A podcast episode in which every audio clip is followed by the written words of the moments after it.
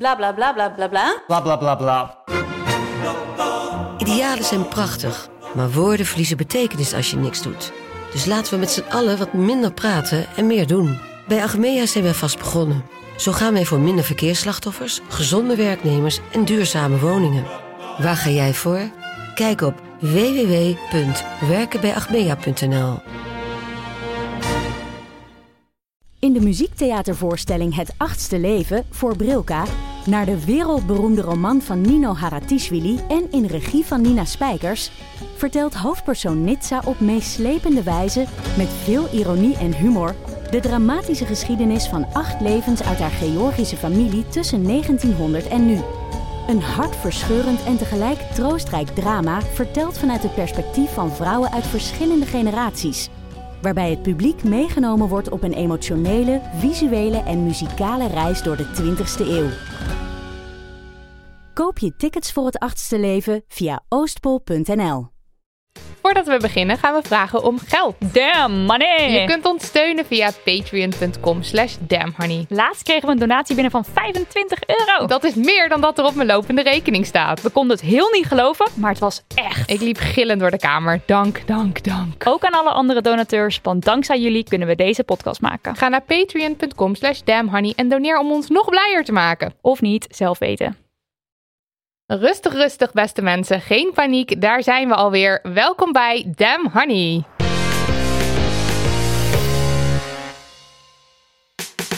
De podcast over shit waar je als vrouw van deze tijd mee moet dealen. Mijn naam is Marilotte. En ik ben Nidia. En je luistert naar aflevering 17 en we gaan het hebben over... Intieme gebeurtenissen. Als je me dit tien jaar geleden had verteld, dan was ik nu gillend de kamer uitgerend. Want ik was altijd heel ongemakkelijk. Ben misschien nog steeds. Ja, ben eigenlijk nog steeds wel ongemakkelijk. Ik hoop dat je niet wegrent. we hebben twee gasten uitgenodigd die, nou, ik denk sowieso niet weg gaan rennen. Want voor hun werk zijn ze regelmatig bezig met het praten, schrijven en podcasten over seks. Uh, het zijn Marije Jansen en Linda Duits. Welkom, welkom. Hallo. Hallo, dankjewel. Marije Jansen uh, runt Platform voor Seksualiteit, waarmee die mensen tools wil bieden om hun seksualiteit te kunnen beleven. En is host van de podcast Ongehoord. De podcast over seksualiteit in al haar verschijningsvormen. Uh, ik ben gisteravond in slaap gevallen met jou en je moeder en uh, oh. hoe uh, zij aan het vertellen is. Dat was echt heel erg leuk om te luisteren. ja, veel mensen vinden die heel leuk. Ja, dat is echt ja. een van mijn lievelingsafleveringen. Ja. Zo mooi. Ik moet hem nog luisteren. Nog niet gedaan. Ik kan hem je aanraden. Tweede gast, Linda Duits, een onafhankelijk mediawetenschapper die gespecialiseerd is in populaire cultuur en in het bijzonder op het gebied van gender en seksualiteit. Ze schreef het boek Dolle Mythes, een factcheck van feminisme toen en nu.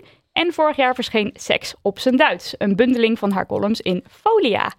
Nou, ja. dat is toch gewoon de droomgast met, deze, met dit cv.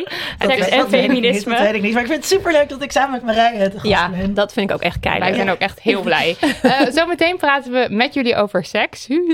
En alles wat daarbij komt kijken. Tomme, tomme, tomme. Feminisme, feminisme. Seks.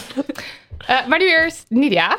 Wat is het minst feministe wat je deze week hebt gedaan? Ik weet het al, maar het is echt heel erg. Dus um, nou, ja, ik vind het leuk dat je het nu aan duizenden mensen gaat erg. vertellen. Oké, okay, voor iedereen die naar de Belgische variant van Wie is de Mol kijkt, ook wel De Mol. Um, en je hebt het seizoen nog niet afgekeken, dan moet je dus nu even doorspoelen. Want ik ga echt een motherfucking grote spoiler geven. Uh, ja, dus even twee minuten doorskippen. Dan ga ik het nu vertellen. Ik kijk naar De Mol en dat is echt het allervetste programma wat ik in tijden heb gezien. Het is veel vetter dan Wie is de Mol. En bij de allereerste aflevering van dit seizoen, dit gaat een lang verhaal worden, sorry alvast, um, hadden ze nog geen mol gekozen. Daar kwamen ze dus, de kandidaten kwamen daarachter op het moment dat ze al in het land waren waar ze de opnames gingen doen. Vervolgens werd iedereen in een kring gezet en kregen ze allemaal een schermpje te zien met jij bent niet de mol of jij bent misschien de mol. En daar werden ze over overhoord. Dus dan ging iedereen natuurlijk heel intens kijken van oké, okay, hoe gaan mensen reageren op wat ze op dat scherm te zien krijgen. Nou, vervolgens ging de presentator ingewikkelde vragen stellen, zoals van, uh, nou, uh, vind je het leuk wat je op het schermpje hebt gezien? Uh, ben je zenuwachtig? wil je graag de mol zijn? En een van die vrouwen die reageerde met, ja, ik had het wel verwacht. nou, zij komt dus uiteindelijk in de finale. En ik dacht, zij kan niet de mol zijn. Want dat is zo'n vrouwtje die dan zegt: Ja, ik had het wel verwacht. Natuurlijk ben ik niet de mol. Dat kan ik helemaal niet. En de hele tijd dacht ik ook: van, nou, Dat kan niet. Ze is zo zenuwachtig en angstig. En zij kan niet de mol zijn. Nou, helemaal niet op zo'n moment dat je het niet weet van tevoren. Dus je hebt helemaal geen instructies gekregen. Nou ja, zij was dus wel de mol. dus dat is het minst feministische. Erg. Erg. Ja, Maar- Marilot. Mijn is ook trouwens best wel erg, want ehm Nidia en ik hebben vorige week bij de winkel Tits fantastische, eh, ja, hoe noem je die dingen? Nippel... Pasties. Pasties, van die dingen waarmee je dus je tepels bedekt. En daarmee willen we naar Milkshake. Eh, en we zijn maar helemaal fan en allemaal foto's gemaakt, want super tof. Eh, en die hadden we op Instagram gezet, op de story. Zo van mensen, wij zijn klaar voor het festivalseizoen. Helemaal fijn, half naakt op de Insta. En toen dacht ik drie uur later, shit, ik moet nog die opdracht binnenhalen. En wat nou als die, opdrachtgever nu op mijn Instagram kijkt? Dus toen... En dan Tieten ziet. Ja, en ziet. Dus ik heb het verwijderd. En het vond ik eigenlijk gewoon ja, met pijn in mijn hart. Maar ik heb het wel gedaan. Dus ik vond eigenlijk ook mijn eigen feministische eh, ja, principes een beetje aan de verlogend. Oké, Ja. Marije. Eh, ja, ik, eh, ik werk af en toe eh, in een hotel, een klein boutique hotel in Utrecht. En dat is voor de rest superleuk. Alleen in een hotel heb je vaak ook mensen die een huwelijksnacht vieren in een hotel. Ehm, dus ik was gisteravond, was het gisteren? Ja. Toen was ik rozenblaadjes in een hartvorm op een bed het, eh, aan het, aan het fabriceren. En ik voel me een beetje bezwaard om te zeggen, want het is echt een hele leuke werkplek. Het wordt gerund door een vrouw, ze doet het echt awesome. Maar ik had echt zoiets, ik geloof niet in het huwelijk. Dit is een soort van Hollywood idee met rozenblaadjes en just married. Maar je deed het wel. Ja, ik deed het wel. Ik had iets, ja, en dacht ik, kan ik nog ergens een soort van queer hint ingooien? En dacht ik, ja, ik weet ook niet hoe ik het moet doen. Ik ga die rozenblaadjes maar in hartvorm doen. Dus ja, dat was wel dat ik die had van, dit gaat wel een beetje tegen mijn principes in. Volgende keer de rozenblaadjes. Gender is a construct. Volgende keer, Marriage is a volgende keer doe ik dat. Volgende keer doe ik is een dat. instrument van het patriarchaat. Mooi. Ja. Linda? Ja, eh, ja, ik wou eigenlijk een hele tirade afsteken over waarom ik het een stomme vraag vind. kom maar, Net, kom ja, maar. Nee, Ja. maar net als andere gasten van jullie ook doen. Omdat ehm, feminisme is voor mij meer een soort intellectuele exercitie. En niet zozeer een lifestyle keuze. Dus we hadden het net voor de uitzending even over veganisme. Met allemaal regels. En voor sommige mensen is feminisme dan ook zo. Met allemaal regels waar je aan moet houden. En auteurs die je niet meer mag lezen. Of dingen die je niet meer mag doen. Of dat je, wat jij dan ook zegt. Dat je dan over je keuze. Dat je dan heel ontevreden bent met jezelf. En dat, dat wil ik allemaal niet. Maar ik vind jullie voorbeeld ook wel leuk. dus ga ik gewoon mee in de vraag. En het minst feministe vond ik... Ik was ehm, Ajax kijken, wat, wat sowieso Ajax. wat een verdrietige dag werd. En, en ik was in een heel vol café in een Bos en Lommer. En toen liepen we na de rust weer naar binnen. En ik was met meerdere jongens, maar ik stond dus buiten met een jongen... die niet eens een Ajax-shirt aan had. Dus het was ook gewoon... En ik wel, dus ik vond hem eigenlijk ook een mislukking. Maar toen liep hij naar binnen en toen zei hij... Ik ga wel voor door die drukke kroeg, zeg maar, met al die mannen in die kroeg.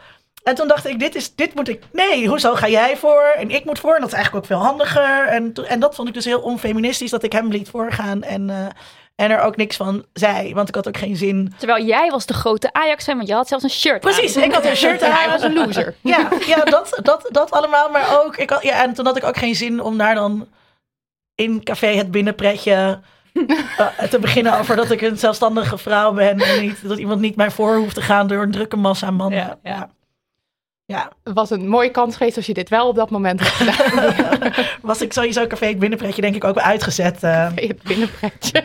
ja, het is wel, het is wel een aanrader. eh, als, je, als je voetbal wil kijken. In de dan- show notes. Ja, in de Ja. show notes. Oké, post. Yes. Van Aniek. Ja. Marilot, lees voor. Oké, komt-ie. Hallo Marilotte en Nidia. Mijn naam is Aniek en ik ben 16 jaar. En dan komt er een hele alinea met allemaal lieve woorden over ons boek. Dankjewel Aniek. Eh, nu heb ik een dingetje waar ik graag jullie mening over zou willen horen. Gisteren ben ik namelijk uit de kast gekomen als non-binair. Ik vond dit erg lastig, maar al helemaal als een van mijn beste vriendinnen en het meisje op wie ik smoor verliefd ben, er een beetje raar op reageert. Ze zei namelijk dat ze het niet begrijpt, wat ik snap. Ook ging ze er allemaal hele vervelende grapjes over maken. En daarna vroeg ze aan me of er iets aan de hand was. En ik vertelde haar dat ik het niet leuk vond hoe ze erop reageerde. Daarna zei ik snel: Laat allemaal maar zitten, noem me maar gewoon een meisje en zeg maar gewoon ze en haar. Nu voel ik me hier natuurlijk helemaal niet fijn bij, maar ik vind het gewoon echt lastig om hiermee om te gaan. Hebben jullie tips voor deze situatie? Lieve groetjes van Aniek. Ja, Aniek, bedankt voor je brief. Ja, en vervelend, echt een vervelende kutsituatie eigenlijk. Super kut, omdat... Kijk, mijn eerste reactie zou zeggen... Zo iemand is je vriend niet, weet je wel? Vrienden ja. doen zoiets niet. Maar ik ben gepromoveerd op meisjescultuur. En meisjesvriendschappen zijn heel erg belangrijk. En als iemand je beste vriendin is, dan is dat super intens. En zeker als je die persoon ook nog leuk vindt. Um, dus dat, dat is niet zomaar advies uh, um, uh, wat je kunt geven. Maar, je, maar je, moet, je moet dat wel proberen durven open te breken. En dat, en dat wel te zeggen van, nou, dit is heel belangrijk voor mij.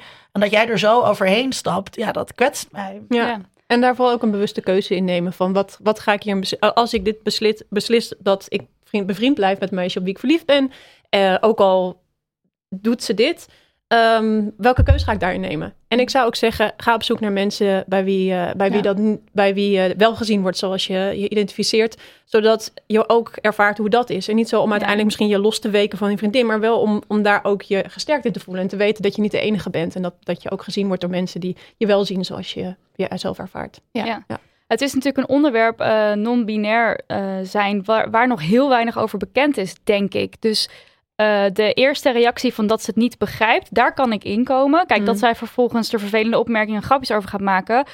Ja, dat is niet oké. Okay. Ze is 16, daarvoor kan je zeggen van ja, mensen zijn nog jong. Ze weten ook nog niet zo heel goed hoe de wereld werkt. Grapjes zijn maar, sowieso vaak een, een vorm van omgaan met ongemak. Ja, ja precies, ja, ongemak. Um, maar misschien kunnen we het ook even over het non-binair zijn hebben. Omdat uh, ik denk dat we meer luisteraars hebben die geen idee he hebben eigenlijk wat het überhaupt betekent. Uh, Marije, zou jij daar iets over kunnen vertellen? oh, uh, wat wil je dat ik vertel? Ik wat kan alleen maar het? over mijn eigen ervaring uh, vertellen. Uh, voor mij betekent het dat ik me niet identificeer als vrouw en ook niet als, als man. Mm -hmm. um, voor mij betekent het ook dat ik eigenlijk weinig kan met concepten als mannelijkheid en vrouwelijkheid. Omdat ik het uh, heel vaak uh, hele grote termen vind en ik niet begrijp wat erachter zit. Dus ik ben heel vaak als mensen zeggen, oh, ik vind dit, ik voel me heel vrouwelijk. Maar wat voel je dan? Wat, wat zit daar dan? Um, ik begrijp aan de andere kant ook dat voor mensen, heel veel mensen dit wel concepten zijn waar ze zich thuis bij voelen die voor hun werken. Dus ik ik, wil, ik zou wel willen zeggen, laten we het allemaal loslaten. Maar dat is de utopia waar we nog niet zijn. Maar dat is hoe ik het, hoe ik het ervaar. En hoe het ja. voor mij, uh, voor mij uh, werkt, zeg maar. En ja. uh, als jij, krijg jij veel onbegrip? Als, als je dat, of vertel je het? Nee, ik heb het geluk um, aan de mensen aan wie ik vertel. Ik zit al vrij lang in een vrij queer omgeving. Dus mm. daar wordt heel erg begripvol op gereageerd. Ik denk dat ik het meeste, niet zozeer onbegrip, maar moeite ermee had um, vanuit mezelf. Dat ik deze term, of ik deze term al mocht claimen. Um, wat heb ik ook nog bijvoorbeeld nog steeds met queer of met feminisme. Nou ja, die vraag, en dat is misschien ook in reactie wat jij zei, de kritiek op de onfeministische dingen die je doet. Ik stel mezelf nog zo vaak de vraag van, is dit wel queer genoeg? Mag ik ja. dit wel zijn? Mag ik deze ruimte ben innemen? Ik, ben ik wel genoeg uh, ben ik wel genoeg, ben ik wel genoeg ja, nominair? Ik, ja. uh, uh, ik lees niet alle boeken hierover. Ik, ik, ik, het is heel erg mijn, daarom noem ik het ook, het is heel erg mijn persoonlijke ervaring. Ik weet dat daar ook nog heel veel andere dingen omheen zitten. Dus met queer, nou, dat is ook een persoonlijke ervaring, maar dat is dan voor mij weer veel politieker. Anyway, Um, er gebeurt er veel hoop in mijn hoofd. Ze vragen nou ook weer. Um, hoe kwam ik hier nou? Nou, ja, uh, ik vroeg naar onbegrip, maar jij zegt... Oh ja, nee, ik heb het geluk gehad dat ik dat niet heb gehad.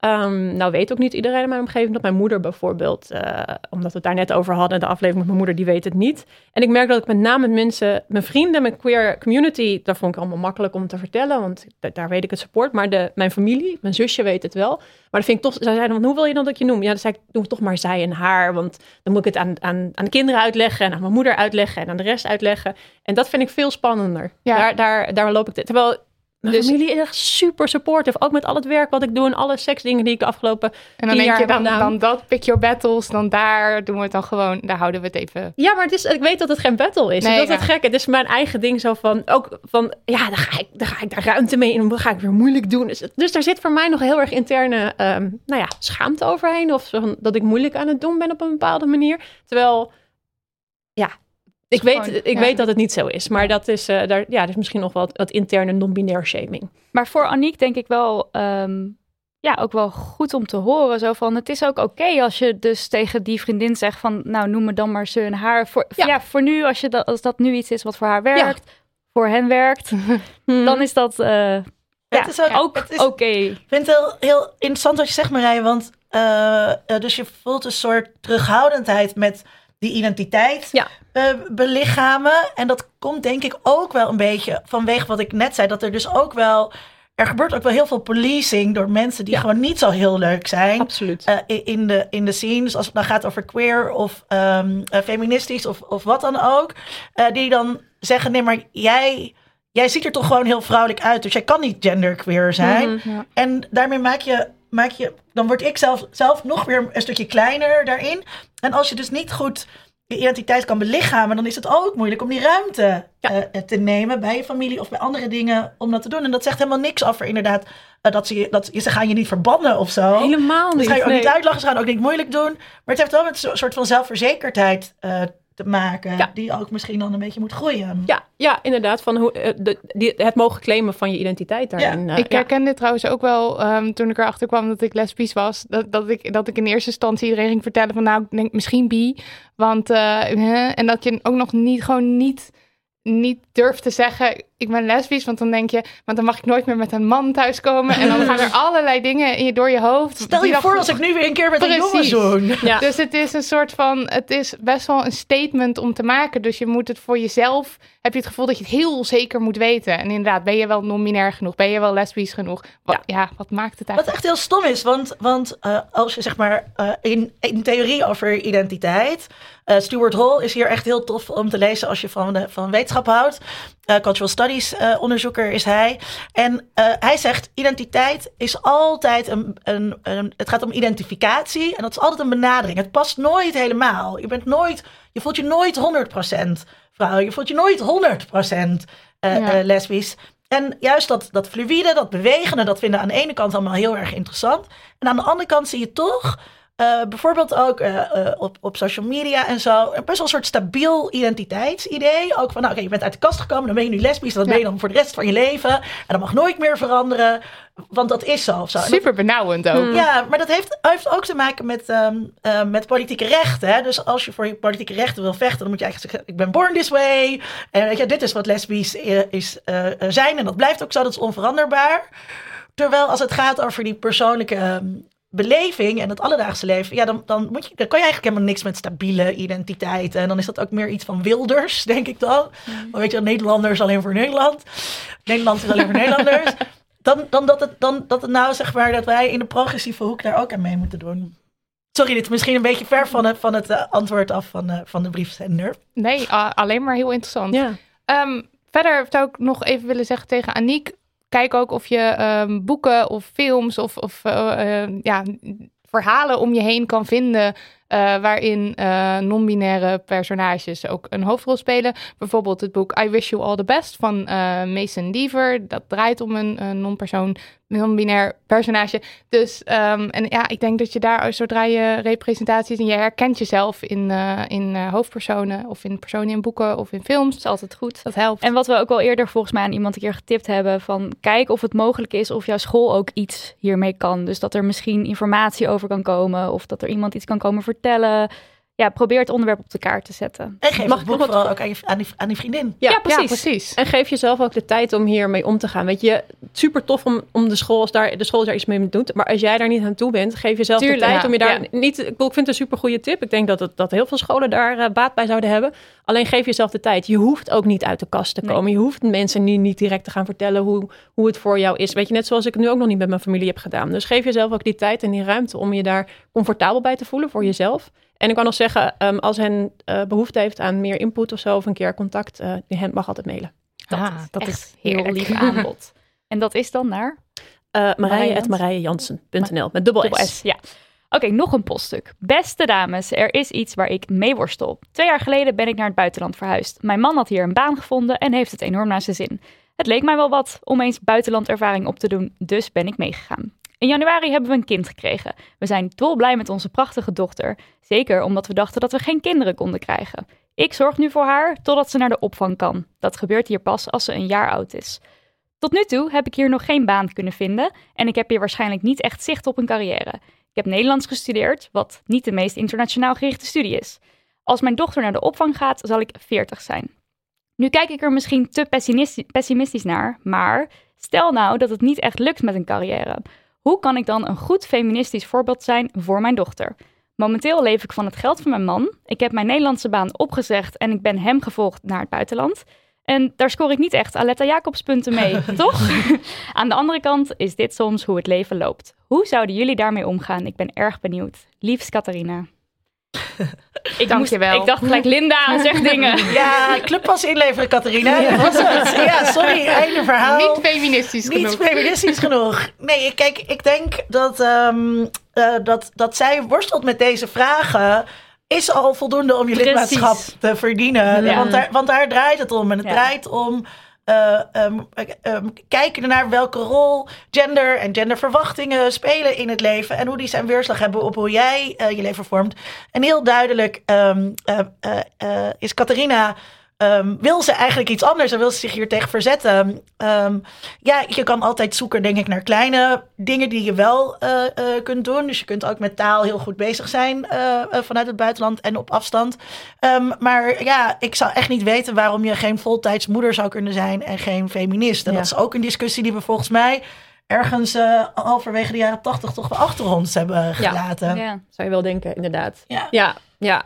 En ik zit ook te denken aan, eh, eh, met deze vraag aan eh, de waarde die we hechten aan eh, ehm, ouders die thuis blijven, zeg maar. Ook de waarde die we hechten aan zorgtaken. Dat, dat, eh, dat, dat wordt dan als minder waarde gezien. En ik snap de vanzelfsprekendheid van, oh ja, als vrouw en dan volg je je man en dan ben je, ben je moeder. Maar ook dat je daarin wel kan betekenen van, hey, dit is net zo'n volwaardig, Precies, ja. volwaardige baan. Tussen, aan- ik bedoel, het is, een baan, maar het is een volwaardig iets wat je doet met je leven als het hebben van een baan. Ja. Het is ook de, de, de waarde die je daaraan toekent. Ja.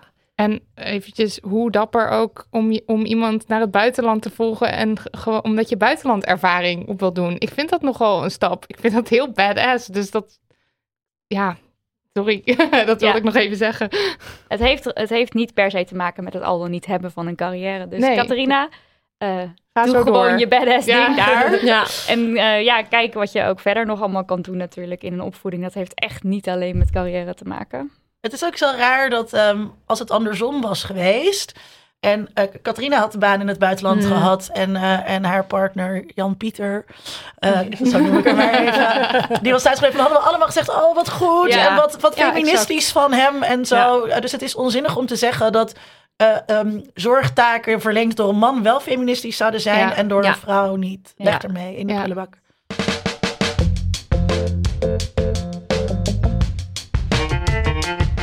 We moeten het even hebben over seks. Intieme gebeurtenissen. Oh ja. Toen we dit onderwerp online eh, aankondigden, werden we overladen met vragen. Ehm, maar die waren echt super uiteenlopend. Het ging van.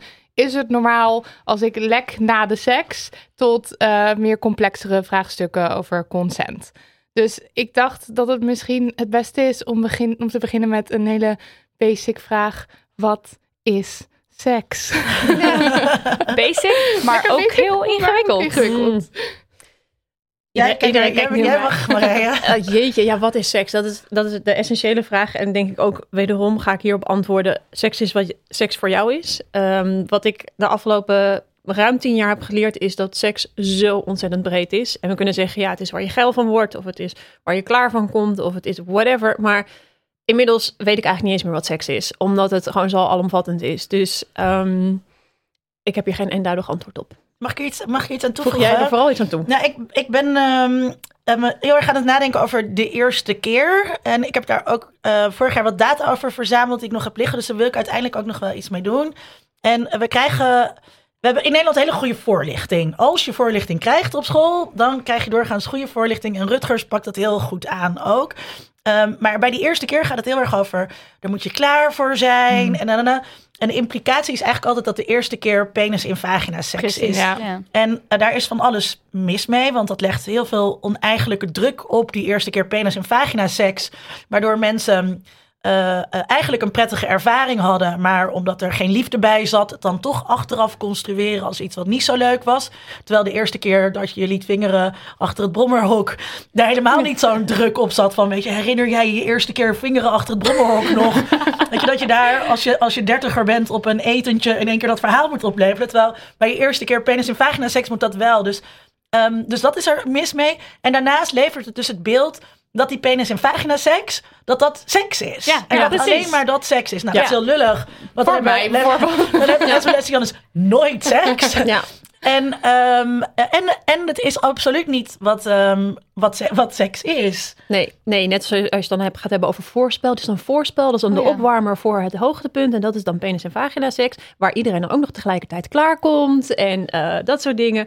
Ja, ik vind dat echt heel erg. Dat, dat is waarom ik zo'n vaag antwoord geef over wat seks is. Ja. Omdat ik niet wil voorschrijven eh, wat seks is. Omdat het dus ook zo heel erg individueel is. En Eh, om gelijk misschien al over de orgasmekloof even daarop te springen. Ja. Want ik weet dat die misschien ook al voorbij gaat komen. Zeker. Ik vind het Zeker. super goed dat we het daarover hebben. En tegelijkertijd is mijn directe kritiek.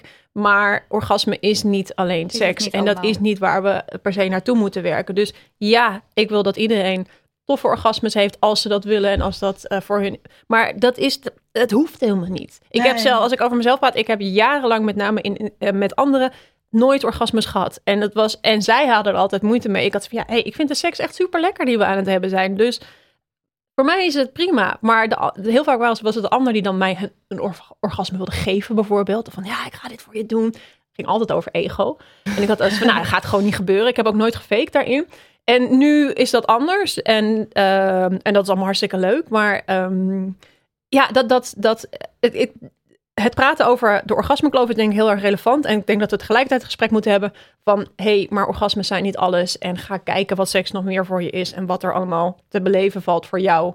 Ehm, en dat is best een klus, want we krijgen ontzettend veel boodschappen mee over seks. Ja, en we moeten echt af van dat idee dat seks geslaagd is als het bekroond is eh, met een Ja. or- orgasme. Ja, Want we moeten het ook niet meer een hoogtepunt noemen. Want dan, voor, tenminste, Oh ja, een daarmee- hoogtepunt, maar ja. niet het hoogtepunt, Ja. zeg maar. Want dan heb je ook al gelijk zoiets van, oh ja, dat is dus waar we moeten ik zijn. vind dus, eh, als je dan hebt over als er dan, wat dan wel goede seks is, zeg maar. Ehm eh, Gil Rubin zegt dat het moet gaan over sowieso over consent, maar ook over eh, de kwaliteit en de kwantiteit van het genot dat je elkaar schenkt. En dat vind ik echt heel, heel erg mooi. Dus ehm, het, het gaat over het plezier waarmee je bezig bent, over begeerte. en niet alleen de intensiteit qua lengte of de intensiteit qua diepte, zeg maar. Ehm, maar vooral wat je, wat, je, ehm, wat je bij elkaar teweeg brengt. Ja, wat vind jij goede seks? Ehm, zo, dat is een goede vraag. Wat is goede seks? Ja. wat is goed? Wanneer is seks goed? Ja, Oh, want wat ik bij jou bijvoorbeeld heel mooi vind in jouw werk, is dat ehm, ehm, we, we willen altijd dat seks sexy is of zo. Maar Ja. dat hoeft ook helemaal niet Nee. zo te zijn. Nee, nee, ik vind dat goede seks echt niet sexy hoeft te zijn. Goede seks kan ontzettend sexy zijn. Het kan super intens zijn en het kan guizig en geil zijn en verbondenheid en weet ik veel wat. Al die, al die grootste dingen. Maar voor mij is goede seks ook... ehm, soms voel ik emoties die je misschien niet associeert met, met, met eh, goede seks. Namelijk dat ik heel erg verdrietig word of dat er eh, eh, andere complexe eh, emoties omhoog komen. En ik vind het heel erg gaaf dat seksualiteit daar een plek voor kan zijn. Omdat je interacties met iemand aangaan waar je jezelf kan laten zien. Ehm, dus dat maakt seks. Ik denk dat seks voor mij goed is als ik voel dat ik iets van mezelf kan laten zien. En dat kan gruizigheid zijn, maar dat kan misschien ook verdriet zijn. Of dat kan ook kwetsbaarheid zijn. Daar zit volgens mij goede seks in. Maar ik vind het eigenlijk alweer moeilijk, moeilijk om te zeggen. Want volgens mij kan je ook hele goede seks hebben die misschien wel gewoon anoniem is. En waar het gewoon... Heel, ja, Puur op dat moment ja, eventjes. ja, dus Ja, ik iets is en ja, dan- ik, eh, ik, ja. ik, ik vind het blijven moeilijk te En vinden. jullie, Ja. en jullie, en Ja. jullie, en Oh, jullie? eh, ehm, goeie Geef jezelf bloot. Nou ja, seks. voor mij is goede, begon goede seks pas toen ik het met meisjes ging doen. Want dat, en eh, ik, toen viel alles wel echt op zijn plek. Want ik had daarvoor, durfde ik nooit zo goed mee te doen aan gesprekken over seks ook. Want ehm, ik voelde altijd alsof ik niet meetelde. En dan was het, ik heb zulke goede seks gehad. En dacht ik, wat de fuck is dat dan? Want ik lig daar altijd maar gewoon een beetje... ehm, Terwijl ja, te-. En dan denk ik, ja, wat, wat doe ik nou? Ik had altijd zo'n helikoptermoment. Dat je denkt, wat, wat ben ik nou Oh, aan het doen? ja. En ehm, ik bedoel, als je technisch gezien, als je dus eh, seks als penis in vagina ziet, heb ik twee keer in mijn leven seks gehad. En dat was niet leuk, of tenminste, het was niet interessant voor mij. En toen... Ja, maar dat ehm, is ook heel logisch als je penissen niet leuk vindt. Nee, Ja, moet je dan met zo'n ding? Maar ja, dan moet je ook maar weer Maar het eerst was even ook iets waarvan jij vond dat je het wel heel leuk en interessant moest vinden. Dat je er Ja, ook echt zeker. over ging liegen. Ik, wil ook heel, ik wilde heel graag meedoen met dat gesprek. Ehm, ik ging ook. Ik heb van alles verzonnen. Van. Eh, ik, vind dat, ik, vind, ik heb van- alles bedacht. Van een eerste seizoen tot aandikken wat je dan hebt gedaan met de jongen en zo. En ik weet ook nog dat ik me daar had. Toen dacht ik, oh, ik moet deze leugens wel onthouden. Want eh, jeetje, straks dan moet ik het er een keer over hebben. En nou ja, nee, nou, het is allemaal heel erg persoonlijk. Daar hoef ik het vast niet over te hebben. Nu zit ik het hier te vertellen voor duizenden mensen. En eh, dat is. Ehm, ja, het, wa- het, was, het was heel groot voor mij. Ik had ook het idee dat het wel echt moest met, met de juiste persoon. Of in ieder geval met iemand bij wie ik het kon vinden. En uit- met wie ik het kon vinden. En uiteindelijk heb ik het gewoon met iemand gedaan. En toen was ik heel blij dat het gebeurde. Dat, en toen gebeurde er weer twee jaar niks. Dus dat is, het is en, heel en, groot. En, en, en, eh, maar Marilla, toen was dan de eerste keer met een meisje. ja, dat was gewoon...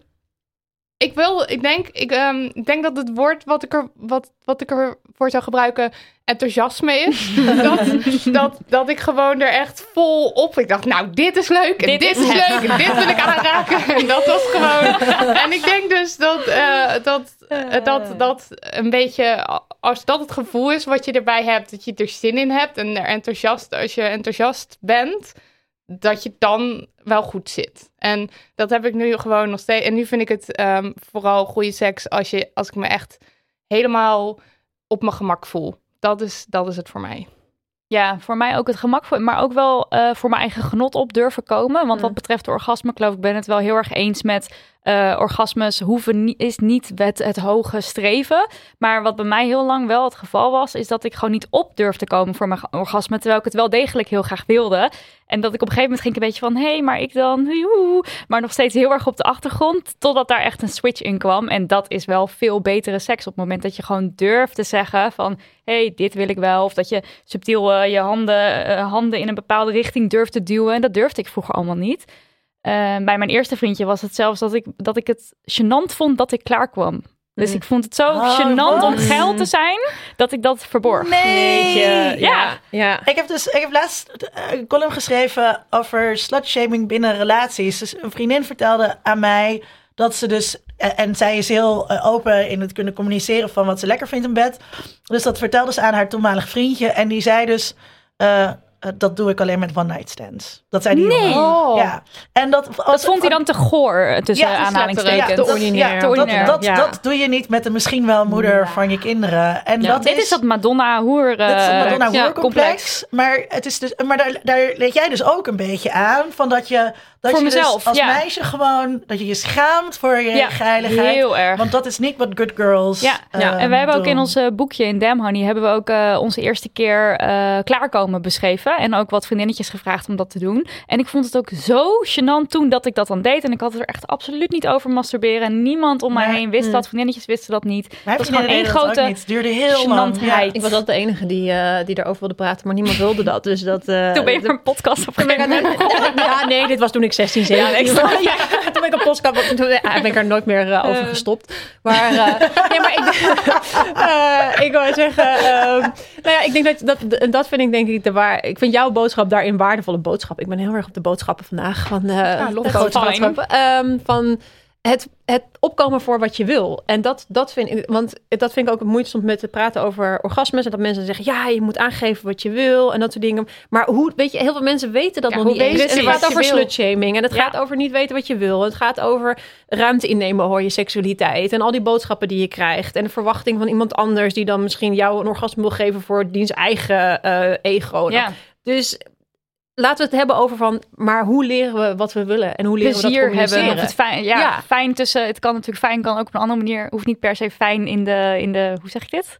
In de cute versie van het woord. Kan op heel veel verschillende manieren kan seks fijn zijn. Ja. Maar dat dat voorop staat. Ja. En dan een orgasme hoort daar wel bij, hoort er Ja. niet bij. Het hoeft er niet bij te horen. En dit is, dit is dus dit is absoluut een gendered ding. Dus dit Mm. is echt anders voor meisjes dan voor jongens. En het is, heeft echt te maken met de boodschappen die je dus overal meekrijgt. Ja. En, eh, en, en ik kan er dus zo verdrietig van worden dat er dus allerlei meisjes opgroeien die zich schamen voor hun seksualiteit. Ja. En weet je, zo'n bekend voorbeeld is in voorlichtingsboekjes staat... eh, jongens masturberen en sommige meisjes doen dat ook. Is het, oh. Ja, en dat is, dat is feitelijk juist, maar er zit ook een soort boodschap in. Sorry, Marije, dat, Zijn het- Ja, dat, nee. dat, ehm, dat je dus een beetje een uitzondering bent. Ja. Als je, dat, als je dat doet. En dat maakt het dus ook nog weer moeilijker. En dat het dus onder meiden onderling ook zo'n taboe onderwerp is. En dat, ja, Marije en ik zijn oud. Sorry, dus wel. Ja, is maar dat het dus ouder. ook niet verandert. Nee. Weet je? Dat, is, dat is ook zoiets wat, wat dus heel verdrietig kan stemmen. Ja, en het slutshaming, wat net ook al even genoemd Ja. werd. Eh, we, hadden daar, we hebben heel veel vragen gekregen. En één vraag die daar ook een beetje over gaat, is, eh, gaat over een meisje van 17. En ze zegt, eh, als iemand zegt dat hij me wel wil ontmaagden... op een soort respectvolle manier, maar wel als one-night standing... is het dan raar dat ik dat op zich overweeg? Ben ik dan sletterig of raar? Echt zo'n heerlijk 17-jarige vraag. Heb denk ik nog wat jaren nodig om zelfvertrouwen te groeien. Ah. Maar in die vraag zit natuurlijk alweer zoveel van... Je Is het vreemd? Is het erg als ik dit overweeg überhaupt al? Sowieso eerst over En dat dat moment. dat woord respect, want dat zit ook in die column die ik had geschreven. Want die jongen ging dus, die vervolgde dus tegen die vriendin van mij. dat hij, dat hij haar daar dus te veel voor respecteerde. Mhm. En wij zaten echt alle twee, fuck respect. Ik wil helemaal niet respect in bed. Ik wil heiligheid in bed. Ik wil begeerd worden. Dus dat, dat respectvol, dat moet je met een korreltje zout nemen. Ik zou niet weten wat dat betekent. En dan, ja, jij mag het seksadvies geven. Ja, nou, nou, de, de vraag van ben ik raar of ben ik normaal? Eh, eh, ik doe ook coaching met mensen en ook in de workshop als ik mensen met werken over seksualiteit. De vraag ben ik raar of ben ik normaal is de vraag die het meest gesteld wordt. Omdat we allemaal bezig zijn met is dit wel normaal? Voldoe ik wel aan een bepaalde norm? En daarom hamer ik ook zo op die individuele invulling van seksualiteit. Want er is geen normaal. Als jij dat overweegt en als jij daarvoor kiest om dat te doen, het is voor jou een, een, een, een beslissing waar je helemaal tevreden mee bent. Doe het, weet je, ga daarvoor. Dat is helemaal jou. Het, het gaat over doe wat, wat voor jou werkt. Dat is heel makkelijk gezegd, want al die normen. Maar ehm, het is geen vraag van een 17-jarige en later. Ik hoop dat je later meer zelfvertrouwen mee hebt. Absoluut, dat gun ik je enorm. Dat hoop ik echt. Maar voel je niet raar over deze vraag omdat je 17 bent. Want iedereen loopt met dit soort vragen. Ben ik normaal? Mag ik er zijn zoals ik ben? Mhm. Dus eh, En, ja. en haal dus ook de, de, de, de druk van die ontmaagding ja, af. ja, Ja. absoluut. Eh, en bedenk, bedenk dus dat als je al een keertje gevingerd bent, of orale seks hebt gedaan, gekregen of gegeven, of wat voor seksuele handelingen je al verricht hebt, dan ben je al geen maagd meer. Weet je wel? En dan misschien haalt dat ook een beetje de druk eraf. Eh, om dan per se die penis in vagina daad te willen Ja. doen. Ja, want dat Ja. is het enige wat, wat ik in deze vraag denk. Het is jammer dat maagdelijkheid hier dus zo'n Ja. ding is. Dat dat een moment is wat blijkbaar moet gaan gebeuren voordat je seksuele leven begint. Want dat is niet zo. En er weerspiegelt dus ook weer in eh, ehm, eh, dat het dus heel bijzonder moet zijn. Hè? Dus Ja. dat je er klaar voor moet zijn. Wat dus bij al die andere handelingen niet gezegd wordt. En wat voor mij bijvoorbeeld ook was. Mijn eerste keer, mijn eerste keer penis en vagina seks. Nou, was helemaal volgens het boekje. En die jongen was heel leuk. En ik zie hem nog steeds. En dan denk ik weer, oh jeetje, wat ben je leuk. Maar mijn tweede keer, daar was ik helemaal niet op voorbereid. Was verschrikkelijk. Was met een jongen die helemaal niet leuk was. Bij de studentenvereniging. En hij was gewoon een klootzak. En weet je, twee avonden daarna keek hij me niet meer aan op de borrel.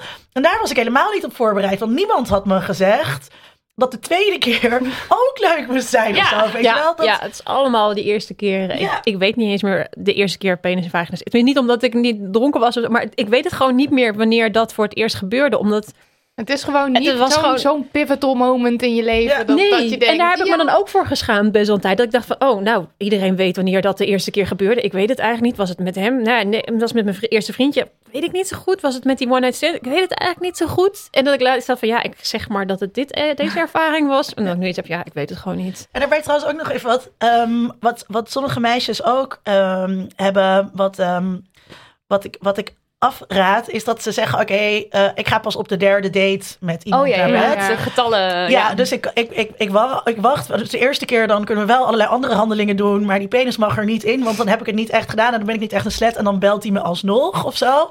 Daar moet je ook van af. Ja. absoluut. Absoluut, kan Ja. ik me alleen maar bij Ja, het aansluiten. idee van dat je dat als vrouw dan weg te geven hebt en dat je dat De dus nog te niet... laten ja, echt dat, Ja. ja. Oh, ja, erg.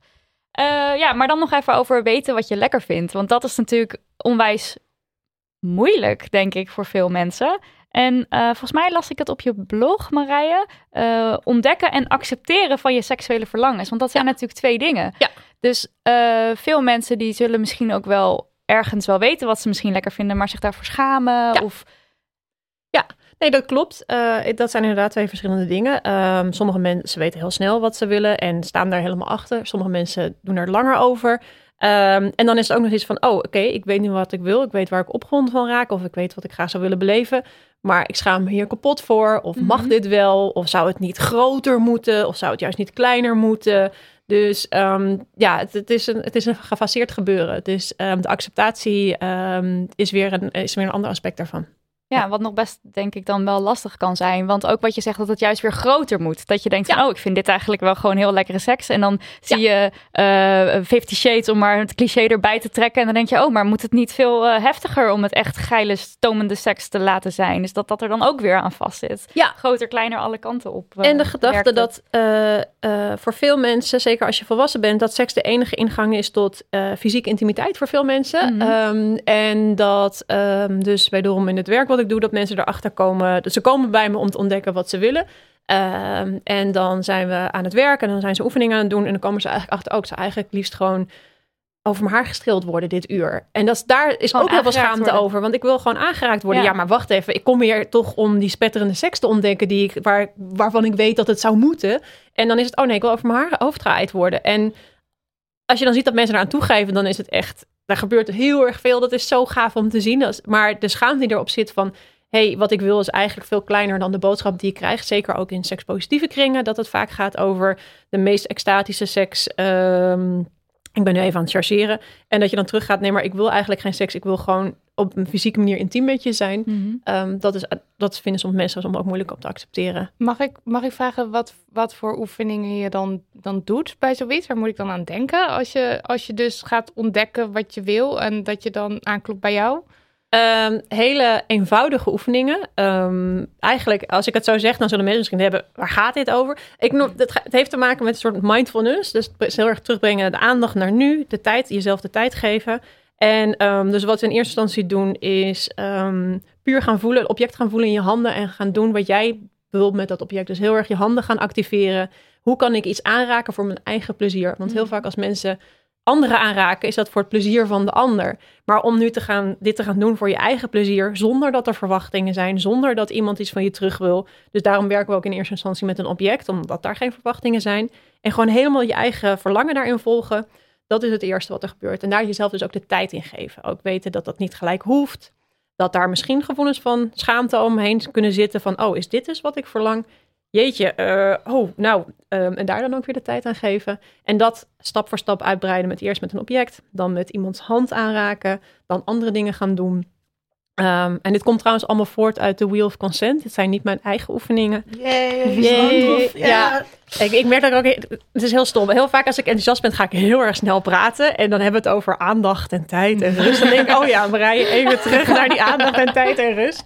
Maar ehm, het is het Wheel of Consent. En dat is een ehm, model van eh, Betty Martin, Amerikaanse ehm sex educator. Ehm, ze heeft heel lang gewerkt als sex su- surrogate en coach. En zij heeft de Wheel of Consent ontwikkeld omdat ze ehm, in haar werk tegenkwam dat dus mensen eigenlijk niet wisten wat ze wilden. En daar dus allemaal ideeën over hadden. En ook heel erg het idee hadden van ik moet dat binnen een bepaalde tijd kunnen. Ehm, en zij wilde een model maken waar mensen helemaal vanuit zichzelf, zonder dat iemand daar enige invloed op had, voor zichzelf konden gaan ontdekken wat wil ik nu. En daar dan de stappen in nemen. Ehm, de oefeningen zijn daar één deel van. Het model, de Wheel of Consent, is een ander deel. En dat geeft heel erg inhoudelijk inzicht van hey, hoe gaan we eigenlijk met elkaar om? En ehm, want vaak gaan we met elkaar om in intieme interacties. Ik ga even ademhalen. Wil je een slokje water hebben? Ja. Eh, Neem, een slokje water. Yes, dankjewel. Doe ik het ook. Iedereen slokjes water. Ja, En eens je moet het opzoeken, aan je lippen Wheel of Consent Ja. is echt te gek. Ja. Ja, en wat het interessante is met het model is dat, ehm, wat ik zei, in de interacties die we vaak met elkaar hebben, zeker intieme interacties gaan over geven en ontvangen. Ik raak jou aan om jou plezier te geven en ik word aangeraakt omdat iemand anders mij iets wil geven. Dus als iemand mij aanraakt, dan moet ik daar dus iets voor doen. Dus stel dat iemand mij ehm, orale seks geeft, dan hoort daar eigenlijk achteraan te komen, want dan zou het voor mij moeten zijn dat ik een orgasme moet beleven, bijvoorbeeld. Ehm, wat zij uit elkaar trekt, is dat je niet alleen maar ehm, iemand kan aanraken voor het plezier van die ander, maar dat je ook iemand kan aanraken voor het plezier van jezelf. En dat noemt zij nemen en toestaan. Dus als ik ehm, iemand anders aanraak voor mijn plezier, dan ehm, heb ik toegang tot het lichaam van die ander. En die ander staat erin toe. Die, allemaal binnen de Wheel of Consent. En het feit dat je iemand kan aanraken voor je eigen plezier, als je, dat, is, dat is voor zoveel mensen zo'n nieuw concept, ja. dat je echt hebt van, oh, wacht eens even. Terwijl het geeft zoveel helderheid, want heel vaak raak je mensen aan voor je eigen plezier. Maar omdat je in dat geven en ontvangen verhaal zit, wordt het vaak dan een beetje eh, modderig. Omdat je dan iets hebt van, oh ja, maar ik doe dit voor die ander, dus die ander moet het leuk vinden. Maar ik vind het eigenlijk heel lekker om zelf die billen nog even tien minuten aan te raken. Maar ik heb gezegd dat ik die ander zou masseren. En die ander heeft zoiets van, hé, hey, Marije zou me masseren, maar die zit nu al tien minuten aan mijn billen. Wat is hier aan de hand? Dus dat geeft heel veel onduidelijkheid. Dus dat... ehm, Ik ben echt twee weken lang... Dus Marije had Betty Martin in haar podcast, in de Ongehoord podcast. Dienstpodcast. Sorry. No En, worries. eh, eh, en toen ben ik echt dus twee weken lang hier totaal van onder de indruk geweest. En ook toen ik het aan het luisteren was op de fiets, moest ik steeds stoppen om aantekeningen te maken. En gewoon dat hele idee van is het voor jouw plezier of is het voor mijn plezier, vond ik zo onwijs baanbrekend. En ik, ik ben heel veel met seks bezig, maar ik ben er heel veel over aan het nadenken. En dan zegt het echt wel wat dat zoiets zo heftig zeg maar bij je binnenkomt. En dat het zo gek is dat het zo radicaal is. Ja. Juist in deze tijden Ja. Waarin we over, heel veel over consent praten, maar eigenlijk heel oppervlakkig Ja. over consent praten. En dat er dus, ehm, ja, waarom is het zo baanbrekend of radicaal om, te, om een onderscheid daarin te maken? Ja, goeie. ja. Ehm, ik denk dat het deels te maken heeft met eh, opkomen voor je eigen verlangen, waar we het ook al eerder over hadden. Ik bedoel, als jij eh, die verschillende concepten hebt van eh, consent en consent gaat ook over, hey, dit wil ik met jou doen voor mijn plezier. Dat daar voor heel veel mensen iets heeft van, oh, maar wacht even, zeker als je als vrouw gesocialiseerd bent van, ja, maar dat is niet wat ik hoor te doen. Weet je, ik hoor dit, dit voor andermans plezier te doen of iemand doet dat met mij voor mijn plezier. Ehm, Ehm, dus dat je ruimte in mag nemen om dat op die manier te doen. Maar dat je dus ook met iemand kan zijn. Want als je iemand jou aanraakt voor eh, dienstplezier. Dus stel dat mijn partner mij aanraakt voor, voor zijn plezier. Dan ehm, in de afspraak die we hebben gemaakt. Want even voor de duidelijkheid. Wheel of Consent eh, heeft twee basale vragen. Wat gaan we doen en voor wie is het? En daar maak je een afspraak over. En dat is de consent die je hebt. Doe je Dus- dat dan vooraf? ja, nou ja, in deze oefeningen wel. ehm, om het, eh, om het eh, te leren. Dus je bespreekt met elkaar van, hé, hey, wat gaan we doen? Ehm, en voor wie is het? En dat is de consent. Dus consent is niet alleen maar gatekeeping van, hey, wil jij dit doen? Ja, dit wil ik. Oké. Het is echt met elkaar bespreken van, wat gaan we doen? En is het deze keer voor jou? Oké, het is voor jou. Dus mijn partner raakt mij aan voor mijn plezier. Ehm, ik kan dan eh, dat wel toestaan met heel veel plezier. Maar het kan ook zijn dat ik denk, nou ja, ik ga gewoon een beetje nadenken over ehm, een blog wat ik nog wil schrijven. En dat is oké. Dus ik hoef daar ook niet ehm geëngageerd in te zijn. En ook die gedachte dat je dus niet per se daar helemaal hoeft te liggen eh, kronkelen. Maar dat ik gewoon kan zeggen, hey, jij hebt toegang tot mijn lichaam met de afspraak die we hebben gemaakt. Dus jij mag mij aanraken. Je mag tien minuten lang mijn billen aanraken omdat we dat hebben afgesproken. Maar dat betekent niet dat ik, dat ik daar super geil van hoef te worden. Want dat is niet de deal. Ik, het is voor, voor hem. Dus hij mag doen wat hij wil. En ik kan, eh, ik kan, ja, ik wil elke keer de boodschappenlijst. Maar Ja, dat is dat ook weer zo maar bij wijze van spreken kan ik of, of over een blog over de boodschappenlijst na zitten denken. Zolang ik dat doe, omdat ik eh, hem dat heel erg graag wil geven. eh, die En, maar dat is, dat is dus ook iets als je het dan hebt over. ehm, je ligt met z'n je ligt met z'n tweeën op de bank en, eh, en de ander wil tien minuten over je haar aaien. En jij bent gewoon lekker Game of Thrones aan het kijken. Dan vind je dat prima. En dan is het ook prima dat jij niet helemaal intens aan het genieten bent van dat haar aaien. Denk je, oké, weet je, eh, laat die persoon maar, die is gewoon even bezig. Terwijl we dus ook aanleren. ehm, dat, eh, dat, dat, dat je seks dus altijd lekker moet vinden. En dat is iets wat ik, wat ik mis in de gesprekken die we de laatste tijd voeren in het kader van de MeToo-beweging. Eh, is dat ook, ehm, en ik be- be- weet dat ik me hier op glad ijs bevind, is, is dus ook dat het dus ook gaat over de ander iets gunnen. Of over wat Ellen Laan ehm, en ehm, hoe heet haar? Rick, eh, ja, Rick van Lunsen? Rick van Lunsen in hun boek over seks schrijven. En dat, dat ja, seks kun je soms ook maken. Zin, kun je- zin kun je soms ook maken. En dat is ook, weet je wel, ja, weet je wel, zullen we vanavond tomatensoep eten? Pff, ik heb eigenlijk niet zoveel zin Maar in tomatensoep. Maar ja, weet je, vorige keren dat je tomatensoep maakte, was het eigenlijk best wel lekker. Dus het is, het is ook, we beladen die, die bepaalde handelingen dus ook met, met heel veel extra betekenis.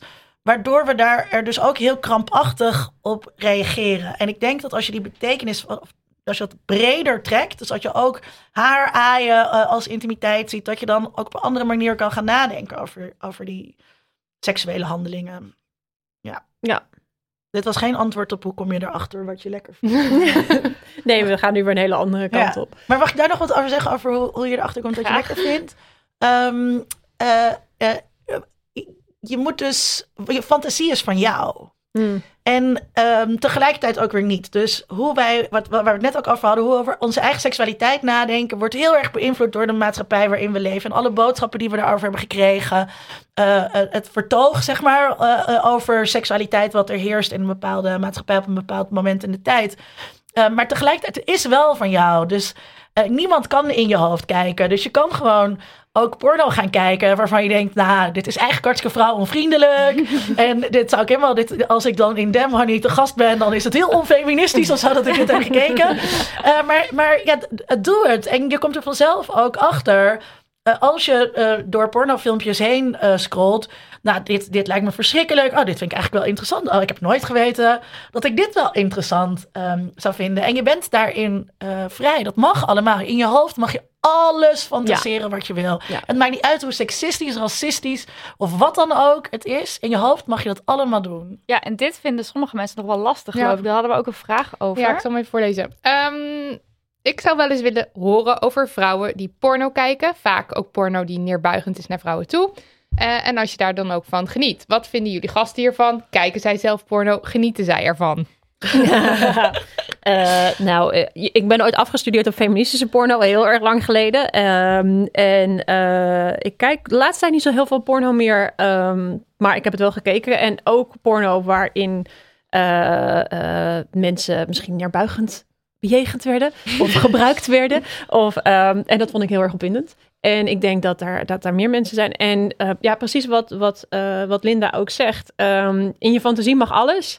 En ehm, eh, binnen consent bijvoorbeeld gebruikt worden is, kan mega opwindend zijn. Precies, Dus- want dat is het natuurlijk. Ja. Binnen consent is het gedomineerd worden of weet ik veel wat. dat is allemaal Ja. fijn natuurlijk. geobjectiveerd worden. Ja. En, want het kan super opwindend zijn om geobjectiveerd te worden. En dat iemand je helemaal neemt voor Ja. diens lusten en weet ik veel wat. Dan kunnen we ook nog mooi in het Wheel of Consent plaatsen van Betty Martin. Maar anyway, dus, maar het, het is inderdaad hoe je erover praat. En in je hoofd, als je, misschien wil je het helemaal niet uitvoeren. Het kan ook zijn dat je het gewoon heel erg leuk vindt om het op scherm te kijken. En in je hoofd over te fantaseren terwijl je aan het masturberen bent.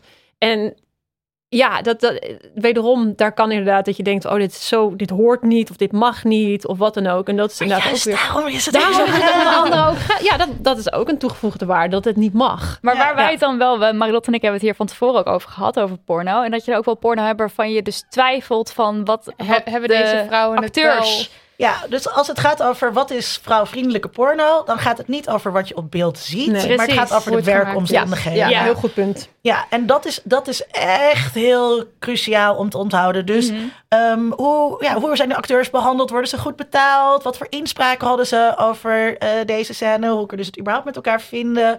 Eh, en eh, dat is heel lastig om te achterhalen als je op die grote mainstream porno sites zit te kijken. Zou je misschien kunnen zeggen dat op die mainstream porno sites dat dat toch wel meerderheid vrouw onvriendelijk gemaakt Nou, nee, wat- kan je niet per se zeggen. Wat het probleem is met die grote porno-sites, is dat daar heel veel materiaal staat wat afkomstig is van andere ehm, websites. Dus waar acteurs Maar niet voor wel voor betaald krijgen. Oh, niet. Dus dat is eigenlijk gestolen werk. Hè? Ja. Dus je, dit is, het is een beetje het soort... Het, het, Downloaden. Als, het soort van illegaal downloaden als je daar naar die streams kijkt. Dus als je hier begaan mee bent, dan ehm, betaal voor je porno. Mhm. Ja, Ja, dat, dat is het ding. En je kunt eh, er naar Erika Lust. Ehm, Jennifer Lyon Bell. Jennifer Lyon Bell, eh, eh, Shine Louise Houston. Eh, ik kan al een lijst maken en dan Show jullie notes doorsturen ook, in de ja. show notes.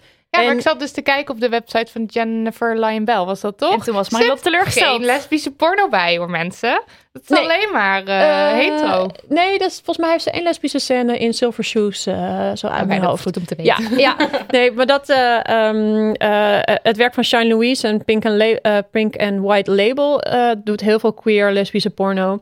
Ehm, en inderdaad, toen ik ooit over feministische porno ging schrijven, was het heel erg, ging het heel erg over echte seks, echte orgasmes, mensen die laten zien wat ze echt willen. En heel lang is daardoor ook een soort van tegenstand van, oh ja, feministische queer porno, nou dat is de goede porno en mainstream porno is fout. En ik vind het heel goed inderdaad wat jij zegt over, het gaat over het maakproces, hoe worden mensen behandeld en het feit dat mensen werken. Ehm, de, op een gegeven moment werd ik daar ook een keer op aangesproken van, ja, je hebt het zo over die authenticiteit, dat mensen het echt lekker moeten vinden, maar dit zijn mensen die aan het werk zijn, dus het is niet...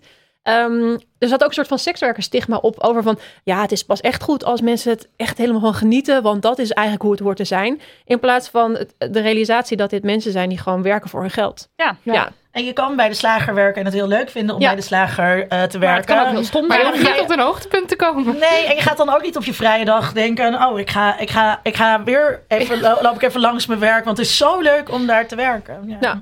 En dit slaat ook weer terug op iemand anders die had gestuurd dat zij struggelt met haar feminisme versus haar voorkeuren in bed, zoals dominantie door de man.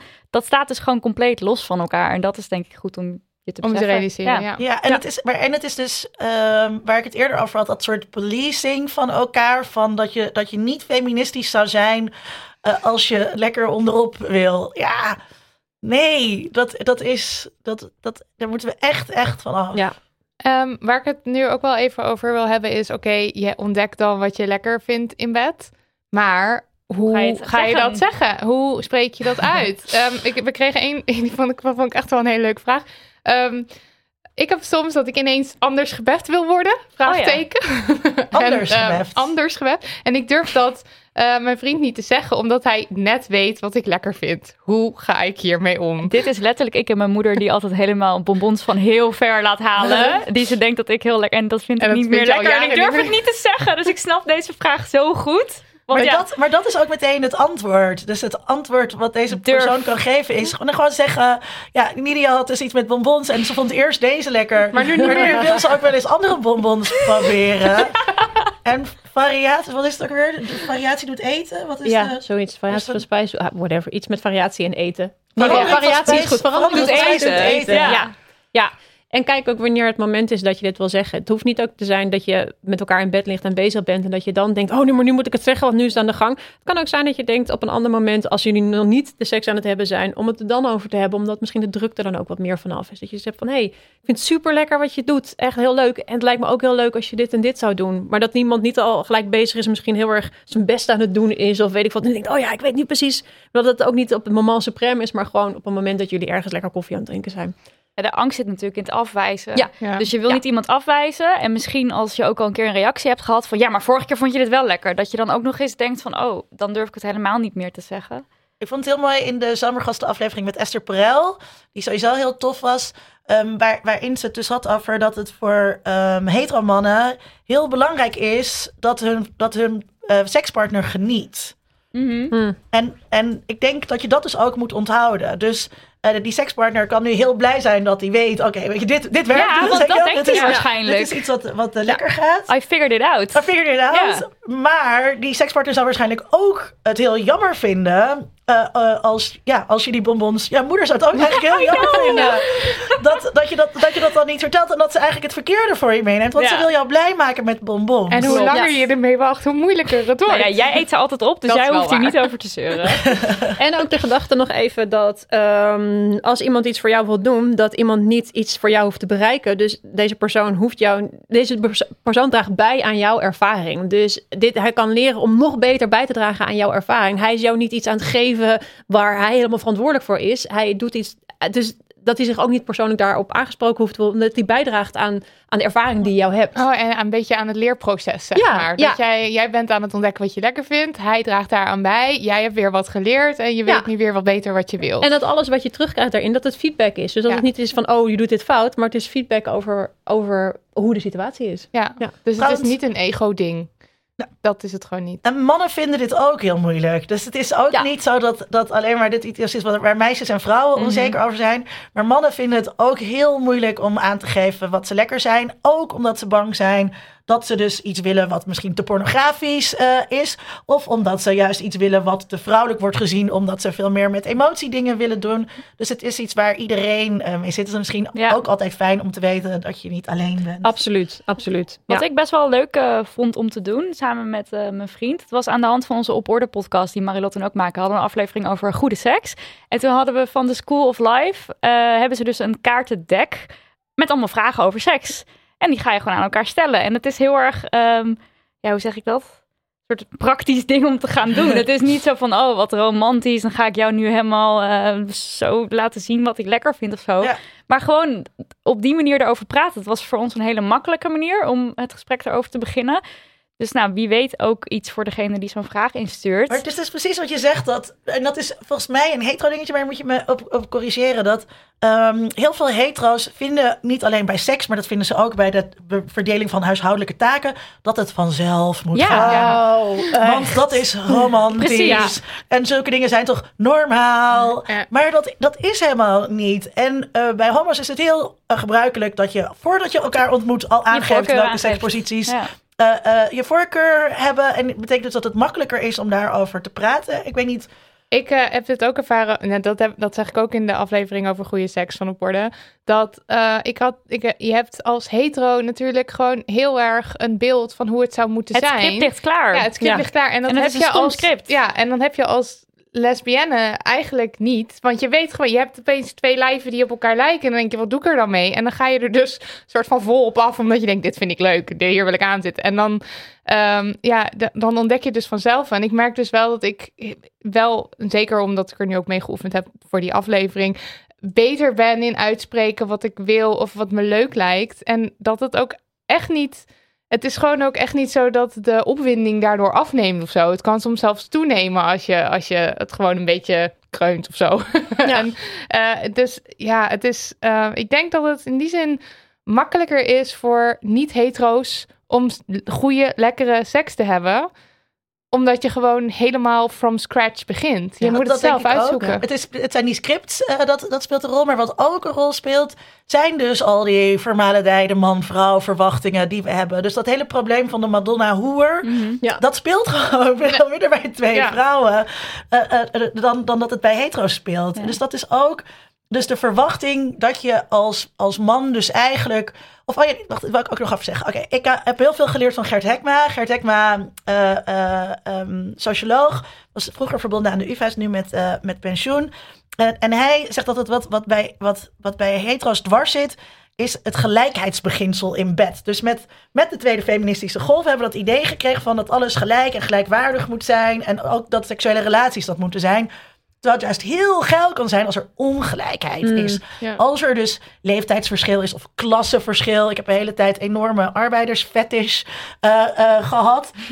um, juist omdat er dus allemaal maatschappelijke verschillen zijn waar je opgewonden uh, van, van kunt raken. Maar dat moet er dus een beetje uitgegumd worden of zo in dat gelijkheidsbeginsel. dus daar moet je ook van af. Ja, ja, ja, ja. ja, ja. Uh, ook nog een vraag. Hoe kan je ervoor zorgen dat je je meer op je gemak voelt om, om te praten over seks? Uitzoeken wat voor jou de fijnste manier is om te communiceren. Um, uh, omarmen dat het awkward is soms, soms om daarover te praten. Maar inderdaad vooral in eerste instantie kijken van wat vind ik nou een prettige manier om te communiceren. Misschien wil ik wel uh, dingen opschrijven of iemand een mail sturen over dingen of... Um, inderdaad niet praten uh, als we seks aan het hebben zijn. Of juist wel tijdens dat. Dus ga eerst ook voor jezelf kijken. Wat is voor mij de manier waar ik me het meest comfortabel bij voel? Ja. Want um, het is heel makkelijk om te kunnen zeggen. Ja, je moet gewoon praten over seks. Je moet gewoon goed, goed communiceren. Maar wat werkt voor jou? Waar voel mhm. jij je goed bij? En waar voelt die ander zich ook goed bij om het erover te hebben? Ik denk echt dat het het allermoeilijkste, dat het het allermoeilijkste is. En het heeft. Um, er komen zoveel dingen namelijk uh, samen op dat moment. Dus al je verwachtingen waarmee je opgevoed uh, bent, eigen schaamte, moeilijkheden. Uh, je kent iemand misschien pas net, of juist soms kan je ook hebben dat als je seks met een vreemde hebt, dat het veel makkelijker is om te zeggen: Dit vind ik lekker. Ja, ja. En een beetje naar links. Dan met een partner waar je al heel lang mee bent, want dan heb je eigenlijk te lang, te lang gewacht met aanwijzingen geven of zo. Um, en um, en je hebt je eigen ongemak over seks. En heb je ook nog een keer het ongemak van je partner um, over seks. Dus ik, ik ben daar nog niet. Uh, ik, ik ben daar nog niet over uit. Ik vind het zelf ook moeilijk. Het is ook moeilijk, ja, inderdaad. En precies, er komen zo zoveel over seks en dan nog blijft dat moeilijk. Ja, ja, maar dat is ook de veiligheid misschien soms van het professioneel over seks hebben. Dat, dat, uh, dat je dan over jezelf over, over, ja, ja, maar dat probeer ik dus nu ook meer te doen om het ook meer over mezelf te hebben. Ook omdat ik denk van ja, verdomme, ik laat allemaal andere mensen over seks praten. Maar dan moet ik zelf ook wel een beetje over de brug komen uh, met... met uh, met de billen bloot. Met de billen bloot.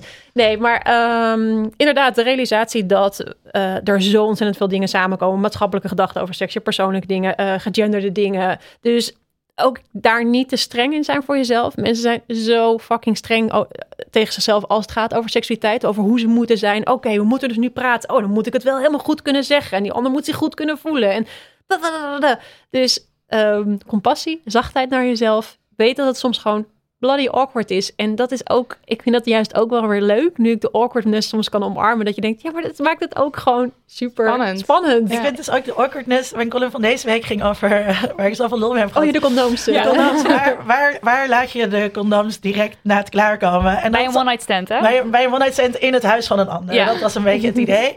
En um, uh, op Folia staat die column en... Uh, en, maar het is dus juist die awkwardness. En als je hem opzoekt, dan is het oké. Weet je wel? Het is veel makkelijker om tegen een gast te zeggen... Ja, wat ga je nou mee doen, hè? Ja. ja. en het te breken, dan naar dus... Ja, dan naar te liggen. En dat, is, en dat is met al die dingen. Dus het is ook veel makkelijker om te zeggen... eh, ja, ik vind het super awkward om een gesprek met je aan te gaan over seks. Nou ja, dan Ja. ben je er eigenlijk. Ja, dan heb je- dan al ben je zoveel al, eh, stappen ja. verder. Ja. En dat zeggen, ik, ik vind iets super awkward. Hetzelfde zeggen, ik ben een beetje nerveus. Als je daar overheen bent, het lekker af. dan gaat het, gaat het beter. En we moeten dus ook meer... eh, Toen ik bij Marije te gast was in de podcast, hadden we het ook over, over onrealistische mediabeelden Ja. over seks. Ja. En dus uit Hollywood, populaire cultuur, zeg maar, krijg je dus de hele tijd ook dat romantische beeld gevoed. En weet je, daar stapt nooit iemand de volgende ochtend in zo'n nat rubbertje dat nog naast het bed ligt. Oh, I wish. Dat zou zo leuk zijn als dat is gebeurd. Ja, precies. En dus dat, is, dat, dat, dat bemoeilijkt het er dus. Want, want het is, seks is altijd awkward. Ja. Ik heb Ja. nog- eigenlijk, ja, oké, nou soms als het dinsdagochtend is met je partner waar je al vijf jaar mee bent, dan is het niet zo awkward. Maar bijna altijd Is het er wel een, een awkward Een element awkward aan? Ja, ja, ja. Op, Ja. op- al is het maar een seconde of is het wat langer. En een dat, raar ja. geluid. Ja. Ja. Ja. Dat, dat, ehm, Dus Ja, we noemen het awkward. Ja, we Een noemen het scheet. Omarm de awkwardness. ja, ja, absoluut. of een absoluut. Gewone het. scheet. Of een gewone scheet. Of een boertje. Ja, hoort er allemaal bij. Dan had ik deze ook nog. Mijn ervaring is dat mannen tijdens de seks erg op zichzelf gefocust zijn en geen zin lijken te hebben om uitgebreid tijd te nemen voor de vrouw. Het vrouwelijk orgasme wordt zo vaak iets dat nog even snel achteraf moet. Ik heb er zelf op die manier vaak niet eens zin meer in. Dat is geen zin, maar je snapt wat ik bedoel. Hoe komt dit toch? En hoe kunnen we deze situatie verbeteren? En, dan stelt ze ook de vraag, of ga ik gewoon met de verkeerde mannen om? Want het is natuurlijk heel erg generaliserend.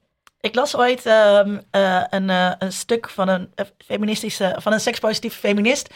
En die zei ehm, dat ze het gewoon niet meer pikte. En dat ze elke keer als ze casual seks had, gewoon een orgasme wilde. En, eh, maar dan nam ze ook de verantwoordelijkheid voor. Dus ze zei, ik ga dan zo'n gast, want hij kan ook niet weten wat, wat voor mij lekker is. Ik geef daar ook gewoon aanwijzingen in. Dus ik ben er heel helder in. Nou ja, ik ga casual seks met jou hebben, maar ik wil ook een orgasme. En dit is hoe je dat teweeg kunt brengen. Ja. eh, eh, En anders pak ik een vibrator. Nou, en, ook, Ja. en deze vibrator kan je daarbij helpen. Ja, exact. Kijk, en als het een. Wat heel belangrijk is bij hetero's. ehm, die, die lichamen passen eigenlijk helemaal niet bij elkaar. Want seksueel is dat gewoon heel onhandig. Dus eh, wat, heel, wat veel beter werkt, is om een vrouw eerst te laten klaarkomen. Want dan gaat ze helemaal open, dan staat ze helemaal aan. Dan is ze ook voor veel meer dingen misschien wel eh, in dan dat ze eh, van tevoren was. Ehm, dus voor hetero mannen die luisteren, ja, begin met dat orgasme van de vrouw. Want als het aan het einde er nog een beetje achteraan moet komen, ja, dan, dan gaat het sowieso al niet meer werken. En maar kom dus ook op voor jezelf Ja. in bed. En het is, kijk, we kunnen natuurlijk wel zeggen dat we dit met voorlichting aan moeten pakken, of dat de films anders moeten en zo. Maar er zit ook wel een beetje verantwoordelijkheid bij jezelf ehm, eh, in bed. Ja, laat het je niet aandoen. Eens. Ik heb ook wel vriendinnen die het dan hebben over... ja, die gast die, die bakt er echt niks van. was echt slechte seks. En dan denk ik al wel altijd van... ja, maar waar was jij dan in dit verhaal? Ja, Kijk, en ga als jij vooral ook aangeeft... niet faken, want dan Precies. verpest Nee, het voor nee, iedereen. alsjeblieft niet. Alsjeblieft niet. Nee. Kijk, als je aanwijzingen ja. geeft en ze wordt niet opgepikt... dan kan je misschien daarna zeggen van... ja, was slechte seks, die gast deed er niks mee... en was alleen maar met zichzelf bezig. Maar Ja. op het moment dat je het wel durft aan te geven... Ja, je hebt en, gewoon een mond, trek hem open. En dan eh, is het, ja, het is jouw verantwoordelijkheid. Ja, en dan moet je misschien erg, ergens overheen stappen. Maar En laat deze podcast een aanleiding zijn. Dat het spannend is, is ook, weet je, als je het niet doet, wees ook niet, te, ja, sorry dat ik daar weer over begin, van, weet je, wees ook niet pissig op jezelf als je dat niet is gelukt. Van, oh, ik had het moeten zeggen, ik heb het niet gedaan. Weet je, ga je, gebruik het ook niet als stok om Tuurlijk, jezelf mee dat te is slaan. compassie dat naar is jezelf, de- ja. wederom die twee Ja. kanten. Ja, je hebt zelf je verantwoordelijkheid en zeg het. Of, of pak die vibrator en zeg, ja, joh, sorry, maar dit was het niet. Ik eh, ga hier even mijn Maar het eigen ding doen. best wel wat moed natuurlijk om Ja, dat te ja, doen. en dus- zeker. eh, het zit hem er eh, voor mij ook in van het afzeiken van de mannen. Ja. Van dat is niet nodig, want dan had je, je had voor jezelf op kunnen komen Mhm. of je hebt het er respectvol over. Maar, Maar je geen- gaat niet iemand zo lopen, lopen Geen dissen. enkele man wil horen, dit was echt hele slechte seks.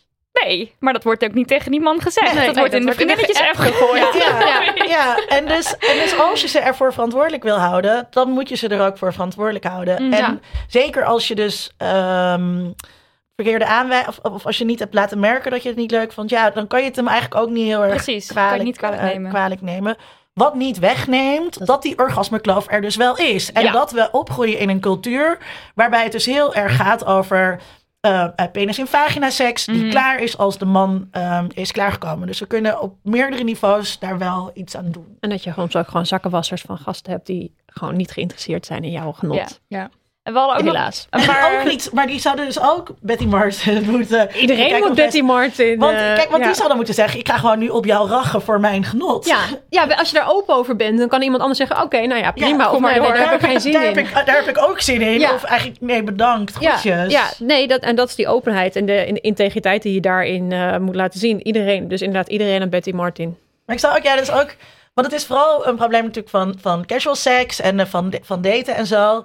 En ik durf dat ook niet hoor. Maar je zou eigenlijk gewoon, weet je wel, als je uh, in, de, in de fase bent dat je de jongen mee naar huis neemt, echt ook gaan vragen van, oké, weet je, waar, wat gaan we nou eigenlijk doen?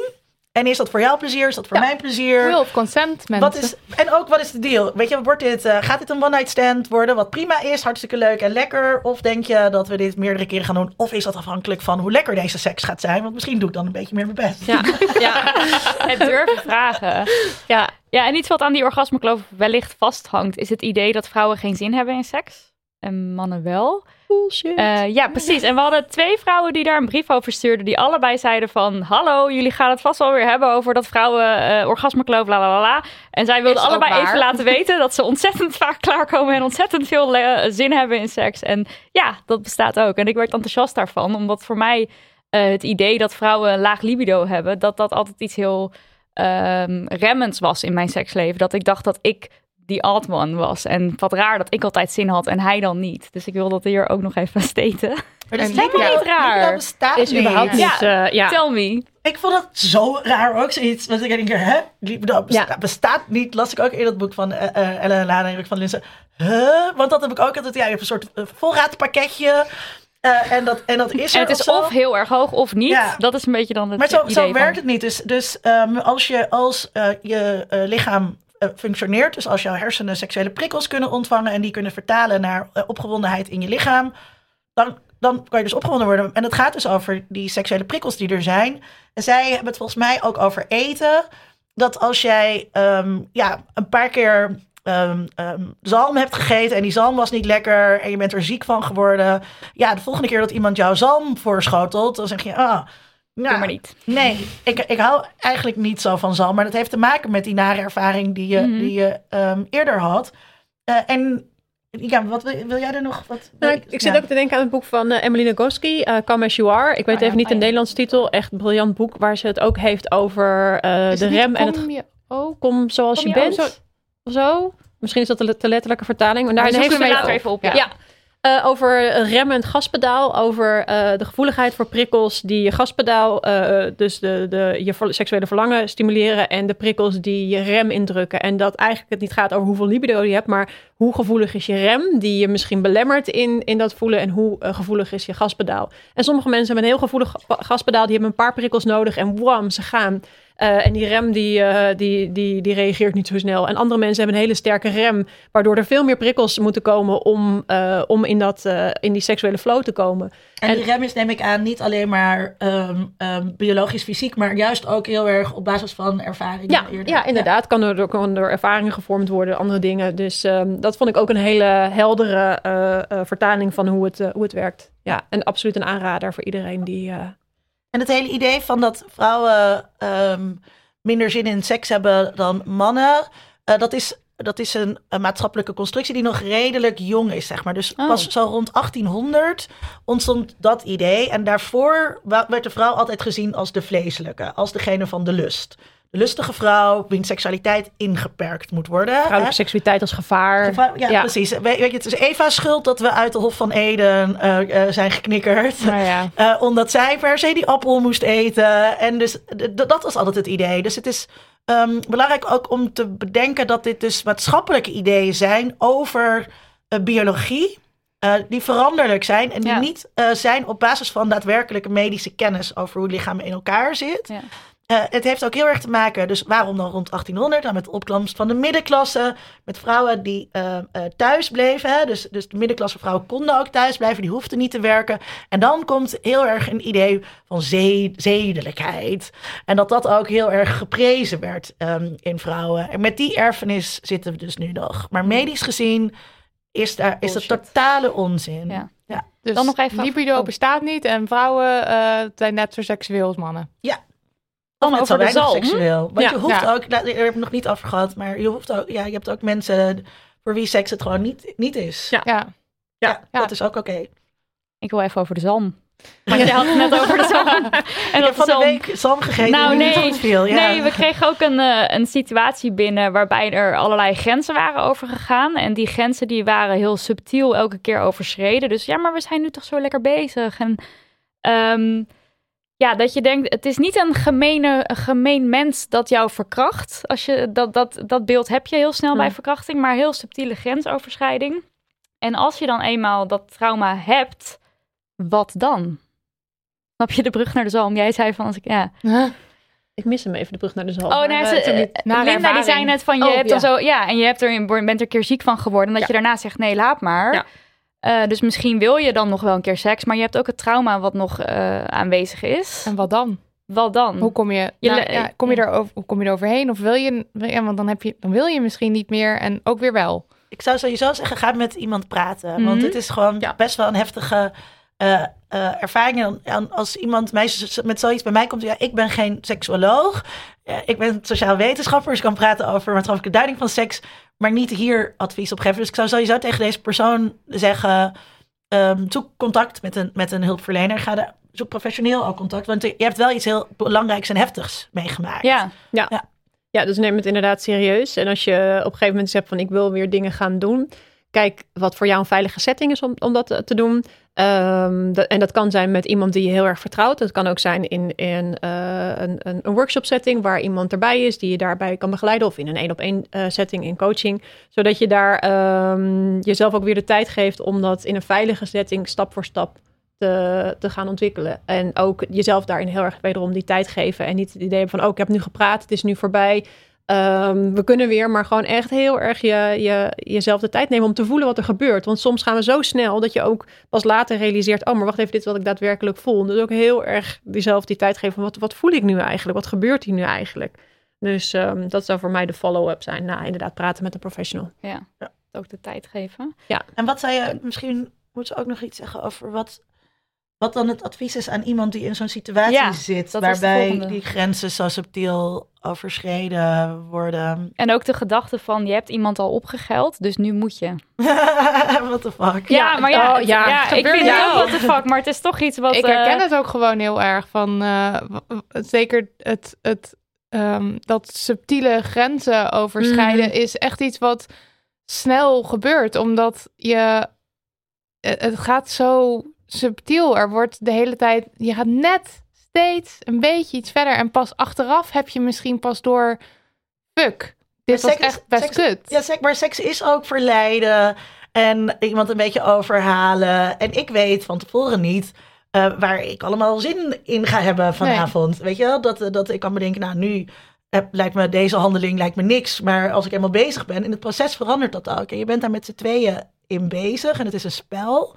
En het is, ik vind dat heel moeilijk, maar jij bent consent. Het is ook, ja, het is ook heel moeilijk. En, eh, en sowieso de realisatie dat consent niet iets is van... oké, op één, punt zeggen we ja en eh, heb je toestemming gegeven... en dan gaan we door. Maar dat je het altijd, eh, dat het altijd in beweging is... en dat je dat kan renegotiate is een hele belangrijke.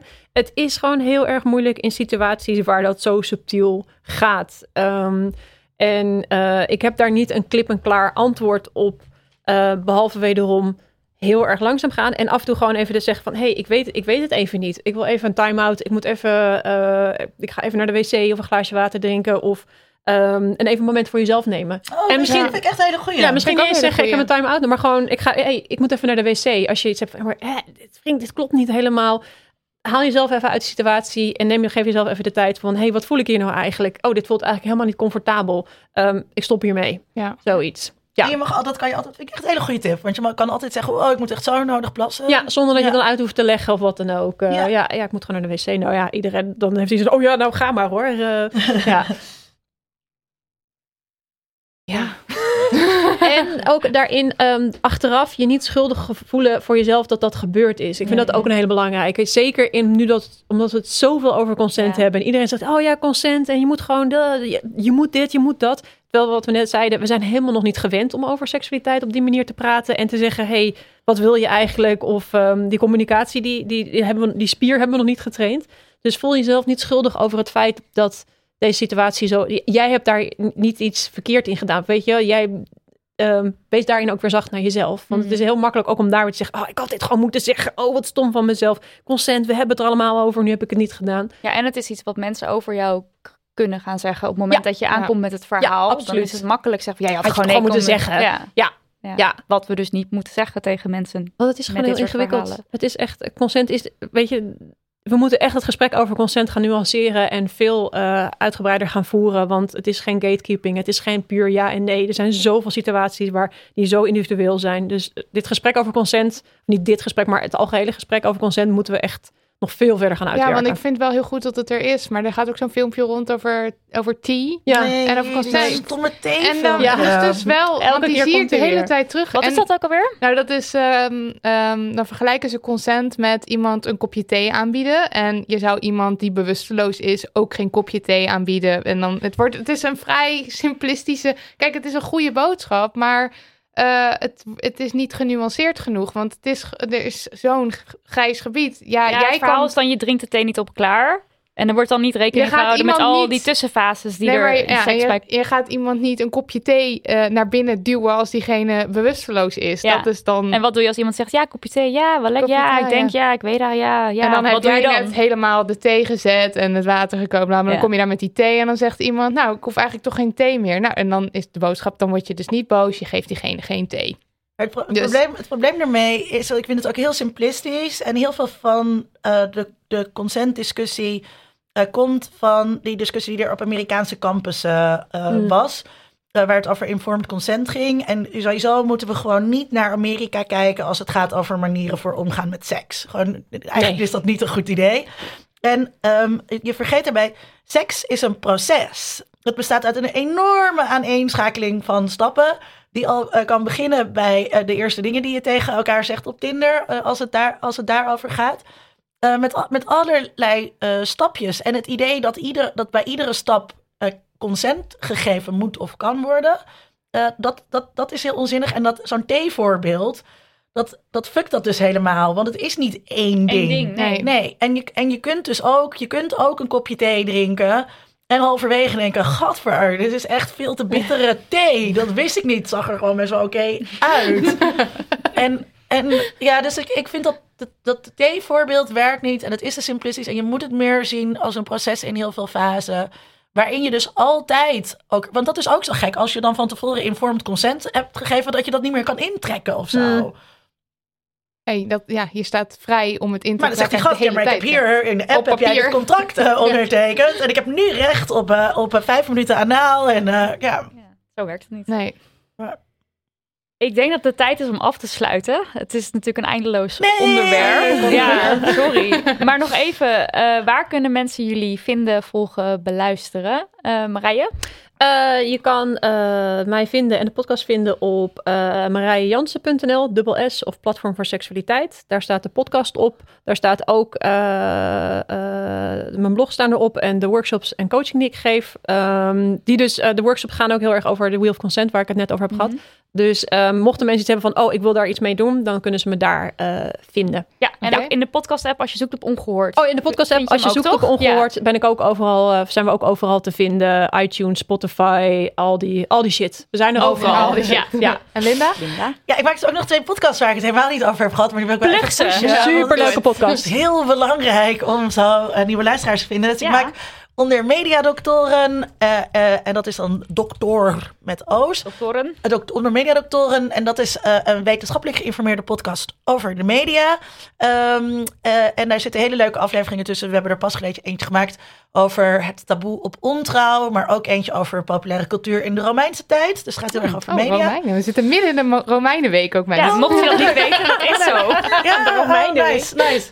En het gaat ook een beetje over bordelen, dus, eh, dus eh, ook heel leuk. En eh, ik maak ook geeky dingen. Dat is zeg maar zoals nerdy dingen, maar dan geeky dingen. En dat eh, is een podcast waarin we geeken over popcultuur. popcultuur. En eh, de vorige ging Stephen over... King. Oh, Steve- we hebben net Stephen King gedaan. We hebben een fan. En de komende gaat over Alien. En de Alien films, eh, die kan je heel feministisch vinden ook. Dus ehm, dat is vast een vooruitblik.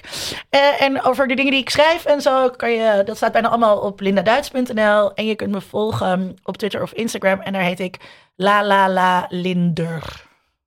Duidelijk. Duidelijk. Dank jullie wel. Dank jullie wel. Jullie bedankt. Ja. Ja, graag gedaan.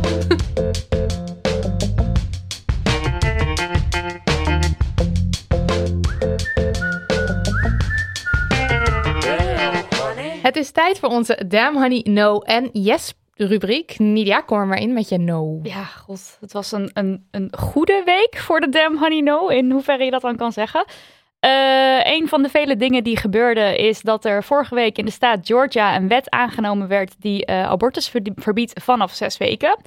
Nou, mocht zes je... weken! Ja, mocht je nou iemand zijn die denkt, ja, maar zes weken dat is toch best wel lang. Nee, want de eerste twee weken van de zwangerschap moet de bevruchting nog plaatsvinden. Vanaf week vijf kun je een zwangerschapstest doen. En je bent dan dus pas twee weken over tijd. Ik weet niet hoe het met de cyclus van andere mensen zit, maar zo betrouwbaar is mijn cyclus niet dat ik kan zeggen: Oh, dan ben ik nu zwanger en dus moet ik nu stappen gaan. Maar het is gewoon niet te doen. Mega stressvol ook trouwens. Dan moet je, word je het niet. En dan word je het waarschijnlijk niet door de stress, omdat je bang bent dat je zwanger bent. Dus, nou, anyway, uh, vrouwen die een miskraam krijgen na die zes weken, die moeten ook nog eens bang zijn voor strafrechtelijk onderzoek. Want stel, uh, ze hebben een miskraam gekregen nadat er alcohol in het spel was, of ze hebben misschien een risicovolle sport beoefend. Uh, ja, dan, ja. ja, dan is er dus kans op strafrechtelijk onderzoek. Dit had ik nog niet eens gelezen. Ja, en vrouwen die het heft zelf in handen nemen, wat overigens levensgevaarlijk is, of als ze uitwijken naar een andere stad, staat, die maken kans op een levenslange celstraf of zelfs de doodstraf. Bij uh, verkrachting en incest is er een uitzondering. Oftewel, vrouwen die hebben eigenlijk pas recht op zelfbeschikking wanneer eerst dat recht grof hmm. geschonden is. Why, why, George, ja, dat nummer heb ik dus echt al de hele week in mijn hoofd. En verder doet de situatie me vooral heel erg denken aan de Handmaid's Tale. En dat vind ik doodeng. Ja. Blessed be the fruit. Ja, blessed be the fruit. Uh, maar ik wilde eigenlijk ook nog over iets anders hebben. En dat is de moord op uh, Julie van Espen in uh, België. Nou, aan zich een, een damn honey no natuurlijk. Maar ik wil het even hebben vooral over de berichten die volgden na de moord. Julie was op de verkeerde plaats, op het verkeerde, op, het verkeerde moment. De, Zo dat is dan een, een, kop uit een krant.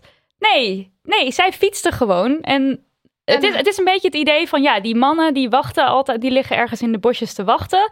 En dan natuurlijk, dat is een soort vaststaand feit. En dan was zij op de verkeerde plek daar. Het gaat sowieso een keer gebeuren. En nu was het jammer genoeg jullie. Ja, nou dan was er ook nog een berucht Twitter-draadje dat rondging. En als vrouwen maar niet op de verkeerde plek zouden zijn, dan zou, er zou het niet gebeuren. Precies. Ja. precies. Blijf thuis, dames. Ja. ja, want dat was dat Twitter-draadje. Ik weet niet of jullie dat gezien hebben. Met allerlei tips om niet verkracht te worden. En dat was echt in de categorie van je moet je haar niet in een staart dragen. Want uit onderzoek blijkt dat vrouwen uh, vaak met een staart aangevallen worden. Want daar kan je dan makkelijk aan trekken. Maar eh, als, ik het los, als je het los doet, dan ben je weer te aantrekkelijk. Het is ook heel ingewikkeld voor de vrouw. Dus je moet eigenlijk gewoon stoppen met ademen. Damned if you do, damned if you don't. Precies. Damn honey. Dan waren er ook nog allerlei tweets van ouders met teksten in de richting van... Uh, mijn dochter mag niet alleen meer alleen... en dan insert een, plek of een gebeurde of iets wat je kan doen. Wat ik allemaal zo kwalijk vind, omdat het allemaal gaat over het beperken van uh, de vrijheid van vrouwen... En we de hele tijd hebben over um, wat vrouwen anders zouden moeten doen. In plaats van wat daders anders kunnen doen. En wat wij als maatschappij anders kunnen doen. Om te zorgen dat de daders um, ja, niet ontstaan. Dat is misschien te makkelijk gezegd. Maar dat het gewoon een veel minder groot ding wordt. Plus wat ik ook heel erg kwalijk daaraan vind. Is dat als een meisje verkracht en vermoord wordt. Uh, nou, door een vreemdeling. Dat het een heel groot onderwerp is. Terwijl er natuurlijk heel veel seksueel geweld over het algemeen is. Uh, zowel uh, richting mannen als richting vrouwen. Maar dat het niet per se dan een heel groot onderwerp is. Pas als er dus een vreemdeling uh, een meisje verkracht en vermoord, dan schreeuwt iedereen moord en brand. Ik, ik denk, ik wil twee, twee, twee dingen zeggen als het mag. Eerste is, um, je, kan, je moet um, die ontwikkelingen in Georgia in hetzelfde licht, denk ik, bezien als die uitspraken in België die ook in Nederland worden gedaan. En dat is een enorme backlash tegen feminisme. En um, er is zoveel waakzaamheid geboden, omdat de dingen die wij, onze verworven rechten, um, die zijn precair. Ja. Die, die, die zijn niet zomaar blijvend. Dus daar moet je voor blijven vechten. En al die verhalen, al die gesprekken die we al gevoerd hebben over verkrachting en seksueel geweld en korte rokjes, hoe makkelijk die weer van de baan uh, geschoven worden. Um, dus waakzaamheid is heel erg geboden. En dan ben ik het tweede punt natuurlijk vergeten. Wat was nou de laatste zin die je zei? uh, Daders, uh, dat het pas een onderwerp is op het oh, moment. Ja, ja. ja. en dat heeft te maken met... Um, um, uh, dan zijn het onbekende enge mannen die aan dat, onze dochters En dat is altijd waar het over gaat. Terwijl het zijn geen onbekende mannen die aan onze dochters komen. Het zijn gewoon Ja, mensen. En, en onze dochters zijn natuurlijk ook het liefst zijn dat gewoon een beetje leuke blonde middenklasse meisjes. Ehm, ehm, want, want daar moeten ze met hun poot van afblijven. Denk ook Anne Faber, hoeveel aandacht Ja. er was voor Anne Faber en hoe weinig aandacht er was voor Orlando, Ja. Eh, eh, die toen was. Dus dat, dat zijn allemaal dingen die daar ook aan gerelateerd zijn. En het is het patriarchaat dat zich op de naarste manier van zich eh, laat horen. Ja, maar niet no. Hier, hoor, hier, hier. Marilot.